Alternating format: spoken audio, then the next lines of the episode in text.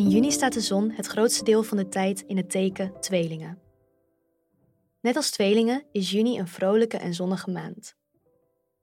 Daarom antwoord op de vraag: waar wordt jouw zonneteken blij van deze maand? Ook werpen we een blik op de rol van geluksplaneet Jupiter.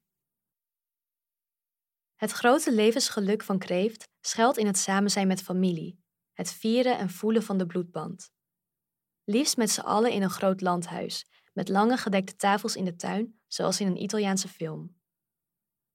Met Jupiter in stier gaan die gedekte tafels er zeker komen. Misschien is er zelfs wel een bruiloft of een ander groot familiefeest om deze junimaand kleur te geven. Maar Jupiter in stier wil ook je aandacht vragen voor de vriendschap. Voor het gevoel dat sommige vrienden zo dierbaar zijn, dat ze zo dicht bij je staan, dat het voelt alsof ze familie van je zijn geworden. Je zou deze maand erg gelukkig kunnen worden van het gevoel dat die family of friends als een veilige muur om je heen staat, die je steunt bij alles wat er op je pad komt. Je kunt je koesteren in het heerlijke gevoel dat er onvoorwaardelijk van je wordt gehouden.